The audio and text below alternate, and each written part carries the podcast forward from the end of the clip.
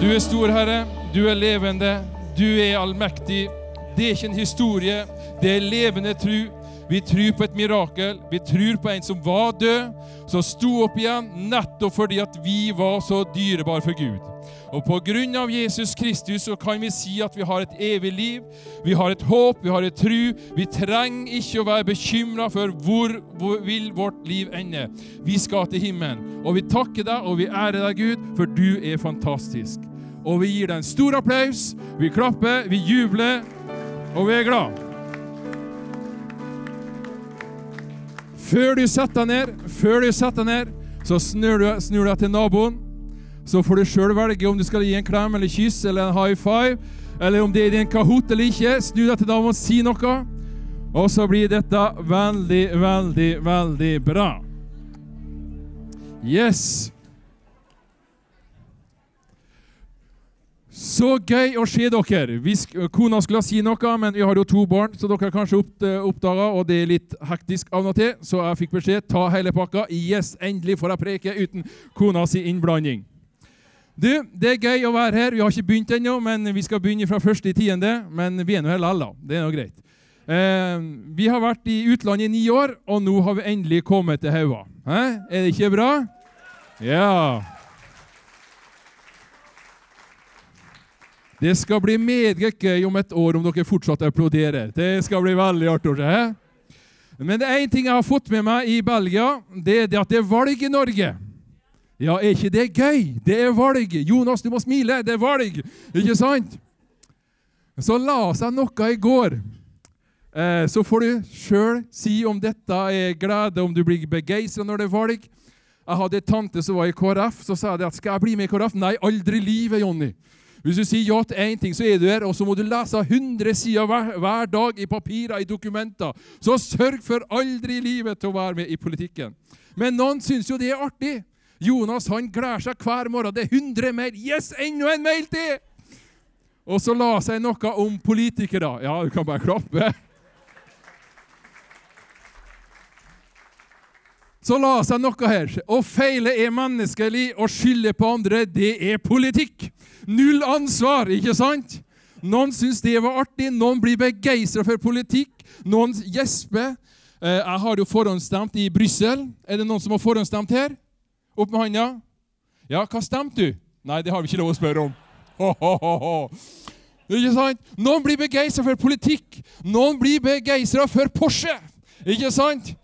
Eh, jeg, var på, jeg var på besøk her Hva heter det? Bondegården langt borti hytta heter Prestegården. var jeg, vet du. Og så var det en svenske. så så sitter vi og snakker om livet, vet du, om dype spørsmål. Så hørte vi bare på veien Vroom! og så, Porsche, Porsche, Porsche, Porsche, Porsche, Porsche, sier han, vet du.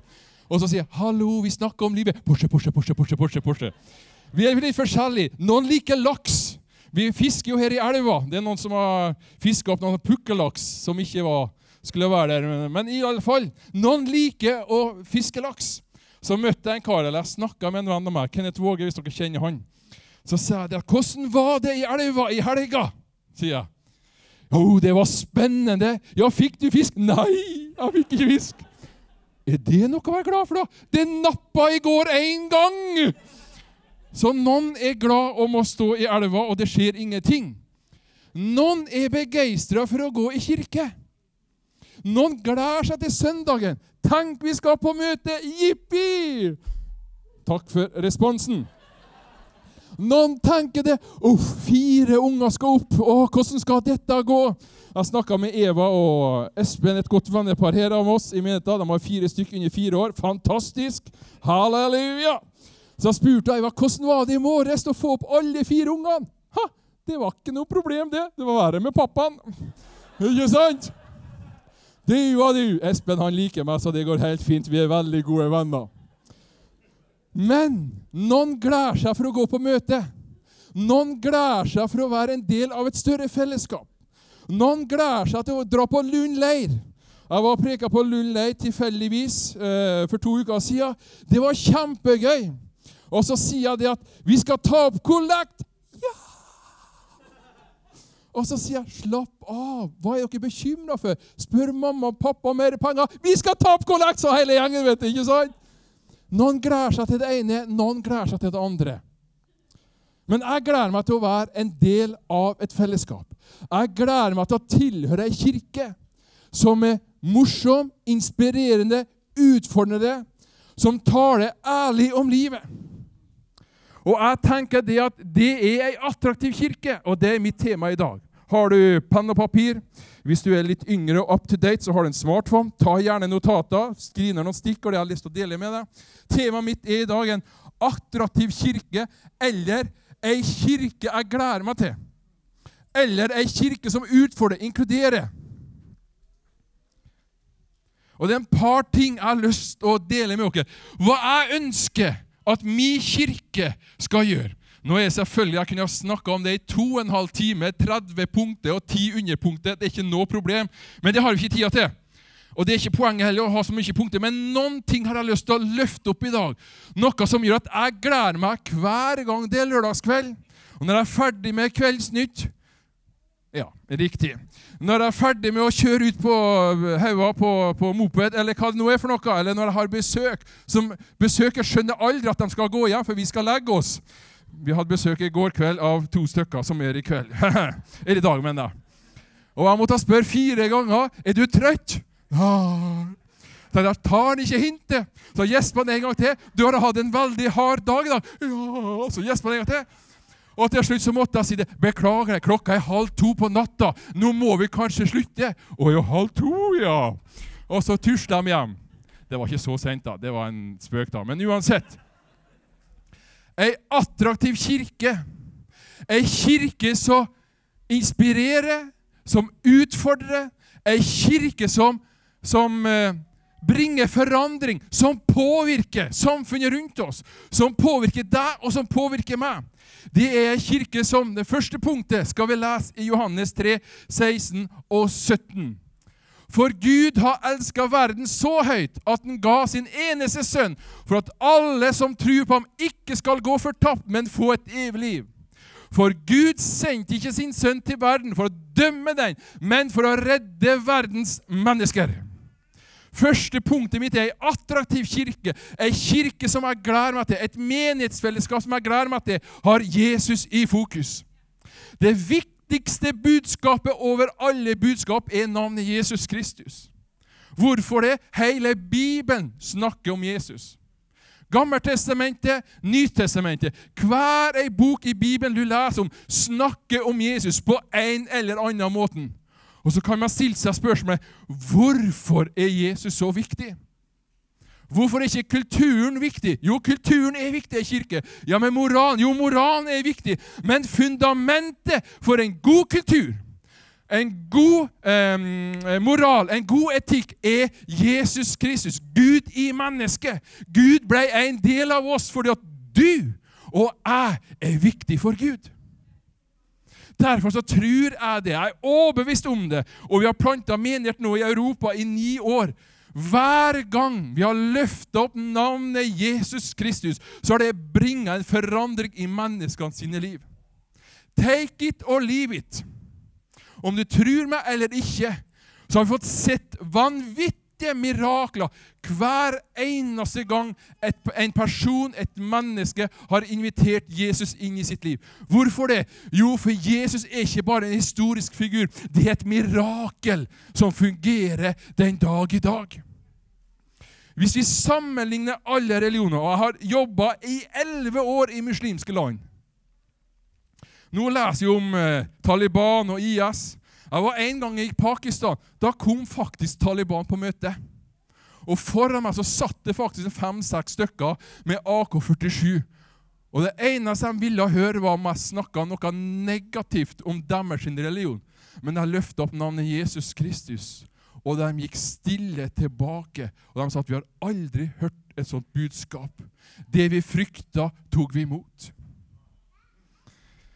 En kirke som er tydelig på Jesus, er en kirke som gjør nettopp det Jesus gjør.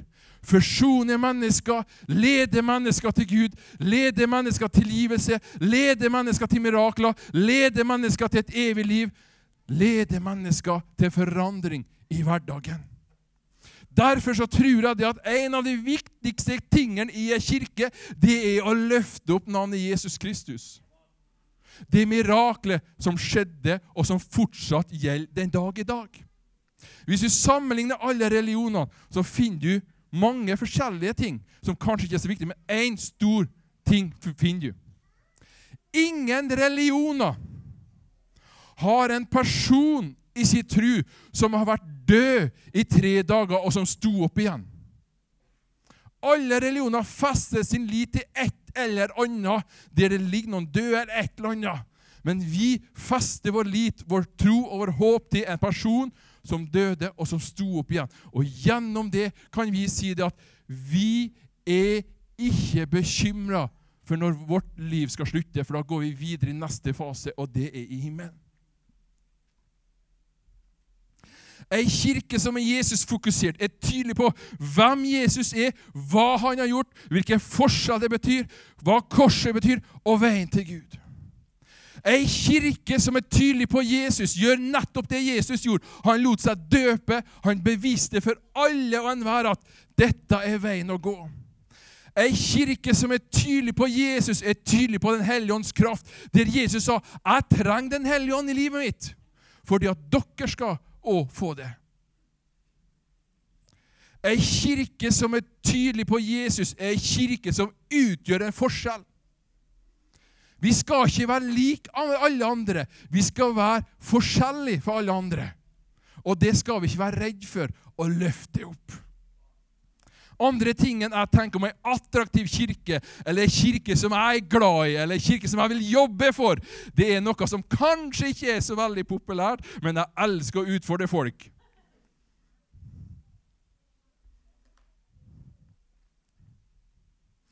Husk på Herren Jesu egne ord da han sa det er større velsignelse å gi enn å ta imot.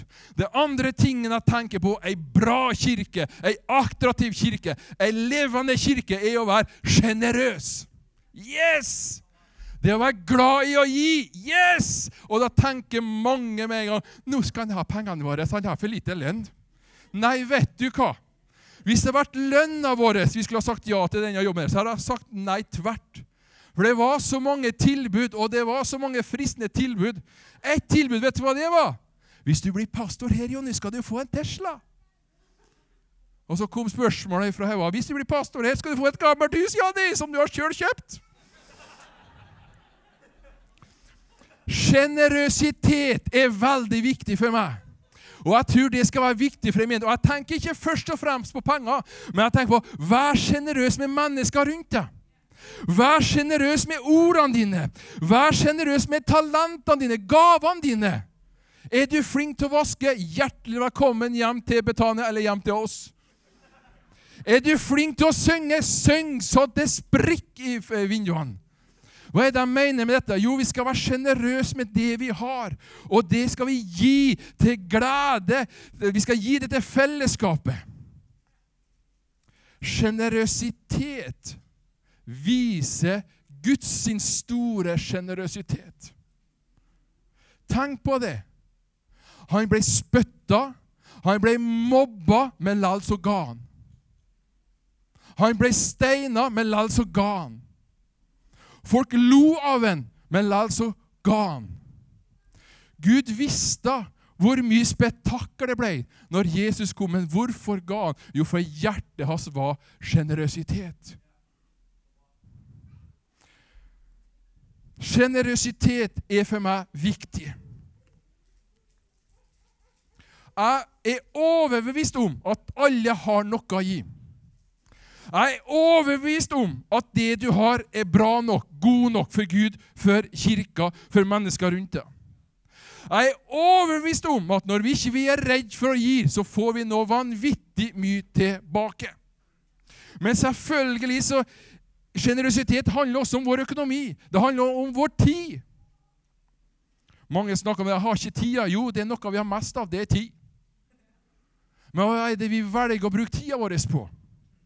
Jeg tror på ei kirke som er sjenerøs på den plassen de er. Jeg tror på mennesker som er sjenerøse der de er. Sjenerøs med ord, sjenerøs med gaver, sjenerøs med tida, sjenerøs med penger. Jeg tror på det at det er mye bedre å gi enn å få. Nå er det noen som kanskje ikke skjønner dette. Hva vil det si, og det er større velsignelse å gi enn å få? Det er en glede å gi. Det er en inspirasjon å gi. Hver gang vi snakker om kollekt, så skal vi glede oss for den gangen vi vippser penger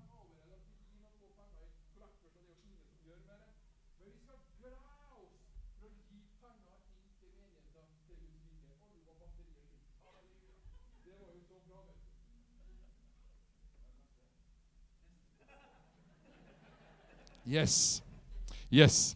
Vi skal glede oss. Jeg kunne ønska meg det, at vi har sittet kollektkorga ute på Soknatunet foran kommunehuset, og det har vært full storm på hauga, og hele menigheten har vært så glad og så ivrig etter å gi at vi har gått bortover i snøstorm, i regnstorm, og gitt og gått tilbake igjen. Ikke fordi at jeg sier det, men for at hjertet vårt er fullt av sjenerøsitet. Sjenerøsitet er for meg viktig i livet mitt, og jeg tror på det. Ei kirke som er sjenerøs. Sjenerøs med livet, også når det ikke er så lett. Også når det kanskje bikker litt imot. Sjenerøs. Jeg tror på ei kirke som gjør dette. Gled dere sammen med dem som er glade. Gråt med dem som gråter og er triste. Det var da voldsomt et negativt bibelvers? Nei, et fantastisk bibelvers hvis vi leser det med det rette blikk. Vi skal være sjenerøse med livet vårt. Vi skal tørre å vise at livet vårt er ikke perfekt. Jeg ringte et, et par her for en stund siden. Så, eller de ringte meg, eller vi ringte dem. Jeg husker ikke helt hvordan det var. Men tingen var det.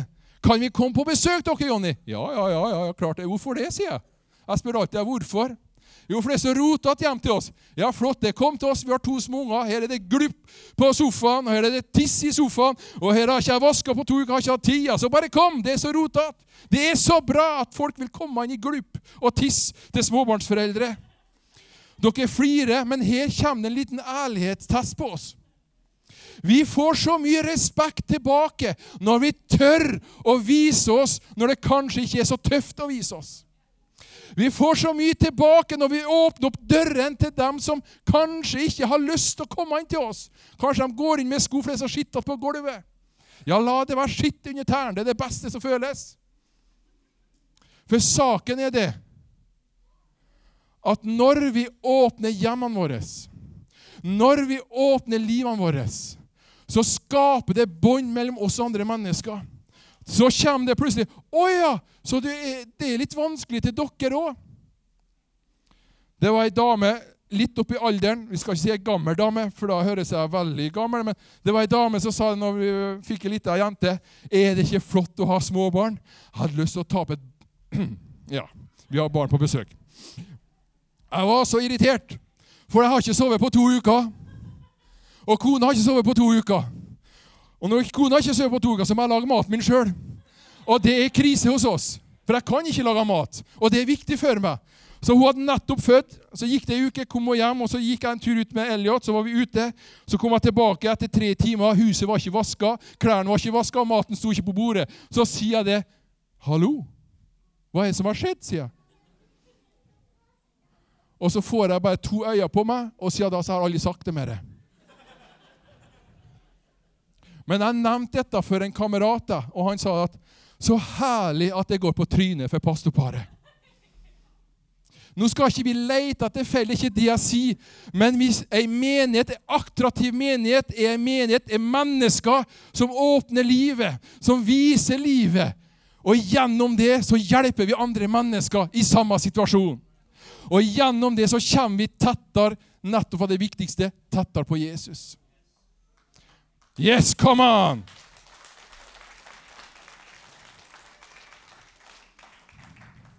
Ærlighet oppriktighet er for meg veldig viktig i ei kirke, i et liv, i familier.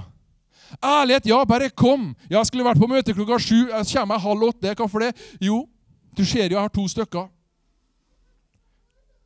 Oppriktighet, at jeg gjør, det handler ikke om meg, men det handler om de andre. Kirka er ikke først og fremst for meg for at jeg skal ha gode prekener, men det handler først og fremst om deg.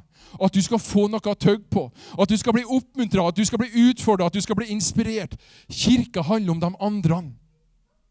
For vi har fått svaret. Vi trenger ikke å bekymre oss. Men vi skal være bekymra for naboen, vi skal være bekymra for bygda, for byen, for landet vårt.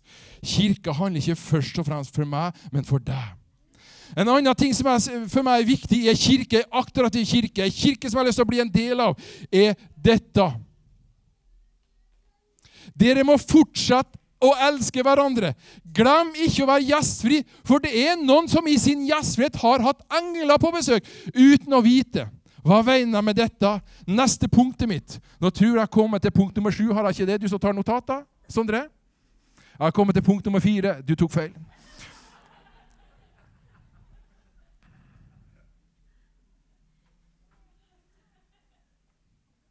Hæ? Ja, spiller ingen rolle. Fjerde punktet er kirke hjemme. Gjestfri handler om å åpne opp hjemmet.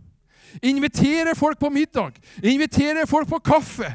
Invitere, bruk tid på naboen, bruk tid på kanskje noen som ikke mange bruker tid på. Jeg skal gi deg to korte eksempler. Jeg banka på ei dør her i dag, og jeg har aldri banka på den døra før. Jeg skal ikke fortelle hva det er for noe, for da kan ikke begynne å tenke å, det er dem, det er dem, å, de bor der. Det skal jeg ikke gjøre. Men jeg syns det er litt artig. Så banka på døra, og så åpna eh, vedkommende døra. Så hei, sier jeg. Ja, hei, hei. Og så gikk praten. Sjokk, overraskelse, og vi hadde det kjempebra sammen. Åpne opp hjemme. Når vi planta menighet i Tyskland, så var det én uteligger i byen. Skal ikke ta historien så veldig lang, men han hadde ikke dusja på 14 år. Wow. Jeg dusjer i alle fall to ganger i uka. Borgermesteren, ordføreren, sier vi på norsk, ringte oss og sa kan dere være så vennlig å fjerne vedkommende fra byen. Vi har prøvd nå i flere år, vi klarer det ikke. Yes, vi skal ta hånd om den. Vi skal ikke fjerne, vi skal ta hånd om den. I løpet av ett og et halvt år så ble vedkommende frelst, og ordføreren kom på møte.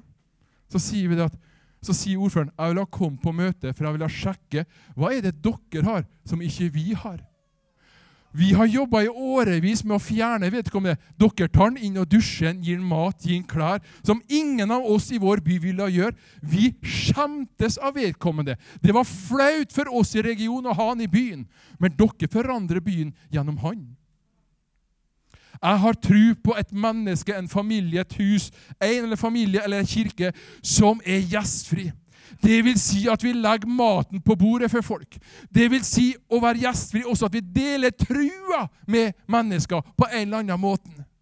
Vi har kanskje ikke de beste ordene om å dele tru, men vi gjør i hvert fall noe for å få kontakt med mennesker. Gjestfrihet er for meg en nøkkel i min tro, nøkkel i Bibelen. Hva gjorde Jesus? Han gikk på besøk og spiste. Jeg ble intervjua av en journalist for litt over uke siden. Og så spurte vedkommende hva er viktig for deg som en pastor. Jo, jeg vil gå på besøk seg, og ete skjeve, som sier på Haua. Ikke kaffe og kake, vær så snill. Kona klager på vekta mi. Og det skrev journalisten ned, og jeg håper det kommer veldig frem. Jeg har lyst på besøk. Hvis ikke du har lyst på besøk, så her har jeg lyst på besøk. Og jeg vil gjerne komme på besøk til folk og spise skjeve og drikke Cola Zero. Gjestfrihet i Bibelen. Vi flirer, men vi skal også være litt alvorlige. Det gjør ingenting. Gjestfrihet i Bibelen. Vi skal lese et bibelvers. Gjestfrihet var å dele nadvern. De delte nadvær med hverandre når de var gjestfrie. Hva betyr det? Jo, de brøyt brødet. Nadværen bryter ned og bygger opp. Nadværen betyr forbindelse, kontakt med Gud og mennesker. Nadværen betyr samfunn, fellesskap. Nadvær betyr evig liv. Nadvær betyr tilgivelse. Nadvær betyr en invitasjon. Så Når vi leser om gjestfrihet i Bibelen, så leser vi om at mennesker delte nadvær i hjemmet med hverandre. Vi leser i Bibelen de møttes daglig i tempelet og rundt omkring. Og hadde nadvær i hjemmene. Med glede og oppriktighet kom de sammen og hadde fellesskap rundt matbordet. Hele tiden lovpriset de Gud, og de ble respektert blant folk. Hver dag kom det nye som ville overgi sitt liv til Kristus og bli med i menigheten. En kirke som møtes i hjemmet, er med å bringe forskjell der mennesker åpner livet over maten.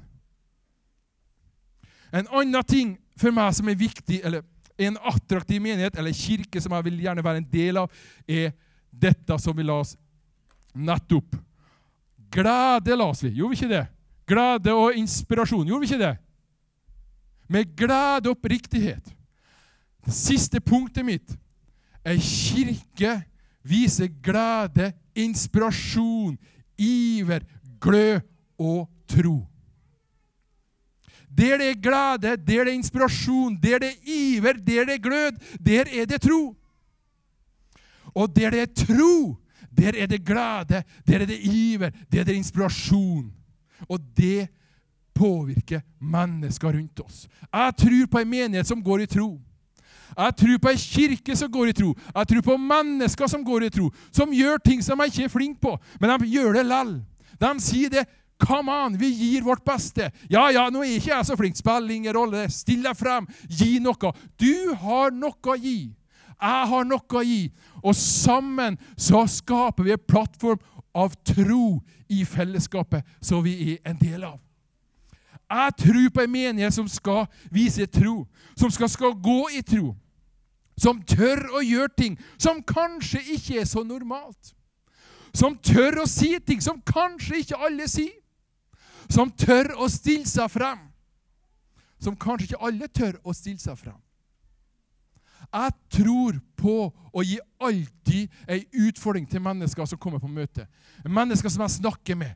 Jeg inviterer folk på møte, jeg inviterer folk i fellesskap, for jeg har tro på det.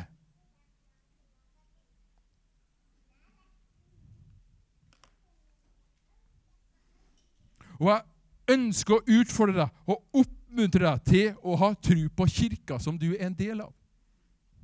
Ha tru på det nye pastorparet. Det er veldig kleint å si det, det gjør meg sjøl, men ok. Ha tru på oss. Heie på oss, klapp oss på skuldra, gi oss et spark i baken når du syns det går for treigt, for jeg kommer til å gjøre det samme med deg. For det er sånn er det det skal være. Å utfordre hverandre. Kan vi være ærlige? Kan jeg være ærlig med dere? Er det ikke noen ganger gørra kjedelig å gå på møte? Takk skal du ha. Her sitter jeg med hjertet i halsen. Men skal vi ikke være ærlige, er det ikke gørra kjedelig mange ganger på møte? Jeg har planta flere menigheter, og en av de menighetene jeg planta i Tyskland første to årene, syntes jeg det var kjedelig og pinlig å gå på min egen kirke som jeg planta. Og jeg sa at her må vi gjøre en forandring, og vi gjorde en forandring. Det ble gnisninger, det ble uenigheter. Men svaret ble vi ble så stor at vi måtte ha et nytt lokale. Folk ble frelst, dvs. Si, folk begynte å tro på Jesus. Folk tok imot det vi preka om, og folk ble friske. Handler det om oss? Nei. Det første punktet jeg sa, det handler om Jesus, som gir oss den troa som vi har fått ifra Gud. Og jeg ønsker å ha ei kirke og være del av ei kirke som har tru. Som deler tru. Ikke perfekt tru, men som deler den trua vi har. Og så har jeg tru til at vi skal få se det Bibelen snakker om. Jeg har lyst til å avslutte med et bibelvers. På grunn av sin tru ble Henok tatt bort fra jorden uten å dø. Ingen kunne finne ham, for Gud hadde hentet ham før han ble tatt bort. Visste Henok at han var til behag for Gud. For han levde rett for ham. Han levde rett for Gud. Derfor er det umulig å bli godtatt av Gud uten å tro på ham. Den som kommer til Gud, må tro at han er til og at han belønner dem som søker ham med iver. Hvordan kan vi tro rett? Hvordan kan vi bli akseptert av Gud? Hvordan kan vi leve rett for Gud? Det er bare et svar. Tro at Gud eksisterer. Tro at Jesus har dødd for deg og stått opp igjen. Det er svaret. Nå har jeg lyst til å avslutte. Har, mange kjenner meg. Jeg har slitt med aksept i 16 år. Skal ikke ta den historien der. Men i 16 år sleit jeg med å bli akseptert. Vi snakker, De fantastiske barna snakker om at vi blir mobba, eller ble, kan bli mobba. Et eller annet var det en sang som het. Stemmer ikke det? Det her jeg vet jeg hva det er for noe.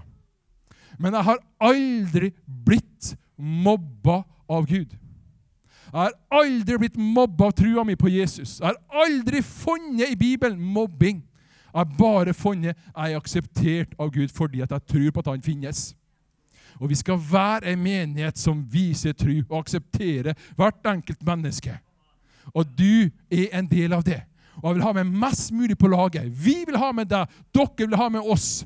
Sammen så er vi attraktiv menighet. Vi har fokuset på Jesus. Vi er sjenerøse. Vi har fellesskap i hjemmene. Og så var det siste vi er ærlige og oppriktige. Vi viser det sanne livet. Og så har vi trua på at det er bra nok for Gud. Amen. Skal vi reise oss opp og skal vi be? Arntzen, du kommer frem. Far i himmelen, vi takker deg for at du er fantastisk. Ingen er som deg, Herre. Takk for fremtida. Fremtida blir bare god. Frem, blir bare bedre fordi du, Jesus, er på laget med oss. Fordi du, Gud, er på laget med oss. Takk, Herre, for Betania som et bøgg skal vise, og lede vise en forskjell i bygda. Forskjell på navnet Jesus Kristus, forskjell i sjenerøsitet, forskjell med å stå opp og vise et ærlig og oppriktig liv. Forskjell i at vi møtes i hjemmene, vi møtes i en dype samtale, vi deler livet med hverandre. Vi snakker med hverandre, vi svarer på spørsmål over en kopp kaffe og løfter frem mennesker når det er vanskelig. Vi viser glede, begeistring, iver og glød gjennom å vise tro på at det går an. Det fins en løsning. Svaret for verden er Jesus Kristus. Håpet for verden er den lokale kirka, lokale menigheten, å være en del av den. Takk, Herre, for at du hjelper oss i Jesu Kristi navn. Og Jeg ønsker at alle skal lukke øynene deres. Alle sammen. Uansett om du er vant til å gå i kirke eller ikke, spiller ingen rolle. Lukk alle de to øynene du har. Og så ønsker jeg at du skal lytte til meg nå i maks 30 sekunder. Du har kanskje ikke per dags dato sagt 'Ja, Jesus, kom inn i livet mitt'. Du skal være herre i mitt liv. Jeg skal leve et liv for deg. Da er det et spørsmål jeg har lyst til å gi til deg, en invitasjon, der du står i din situasjon til å si ja, jeg vil ha den gleden, jeg vil ha den begeistringa, jeg vil ha den troa på at livet mitt skal ende opp i himmelen. Hvis du står og sier 'Ja, Jonny, be for meg', så ønsker jeg at du skal rekke opp hånda di i løpet av tre sekunder. Nummer én at Jesus døde og sto opp for deg. Nummer to Gud ordna en vei for deg. Og han venter på ditt ja i den invitasjonen han gir deg nå. Og nummer tre, rekk opp hånden, så skal jeg be for deg der du står akkurat nå. Takk, Herre. Takk, Herre. Er det flere som bare rekker opp hånden akkurat du står der, skal jeg be for en liten kortbønn. I Jesu Kristi navn. Da ber alle sammen den bønnen. Jeg ber alle gjenta etter meg, høyt og tydelig. Takk, Jesus, for et evig liv. Takk, Jesus, for tilgivelse for min synd. Du skal være min Herre og Frelser. Jeg skal alltid tro på deg. Jeg skal aldri gå ifra deg. Amen. Gi en applaus.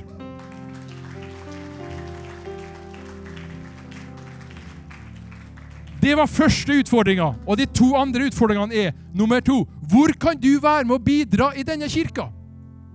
Har du en talent, har du en gave, hvor kan du være med å bidra? Vær med. Si ifra, så er det plass for deg. Uansett. Og nummer tre. Skriv ned på en liten papirlapp to navn som du vet ikke bekjenner seg til, tro, øh, til Jesus. Som ikke har tro på Jesus. Skriv ned to navn. Ikke tre, ikke ett, ikke 15. To navn og de skal du be for så ofte som du husker det. Og så skal du skryke ut navnet når en dag de kommer. I dag tror jeg på Jesus. Og så er en av dine bønner som har vært med å bygge den veien der. Det gjorde vi når vi starta med det, og plutselig så begynte vi å skrive ut navn.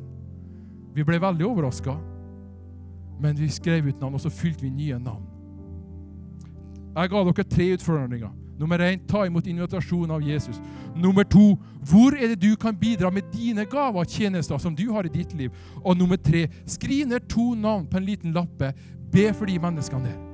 Og så håper jeg at vi sammen kan bygge ei attraktiv menighet, ikke kun for Hauge i Dalane, men for Rogaland, for Norge, for Vest-Europa. Ja, kanskje for verden. For verden kommer jo hit etter hvert. Ha en flott søndag. Ha ei flott uke. Jeg håper at jeg har gitt deg noe til å tenke på. Jeg håper at jeg irriterte deg litt. For sånn er det. Og sånn skal du være til meg. Fremtida blir god, folkens. Ha en flott søndag. Vær så god.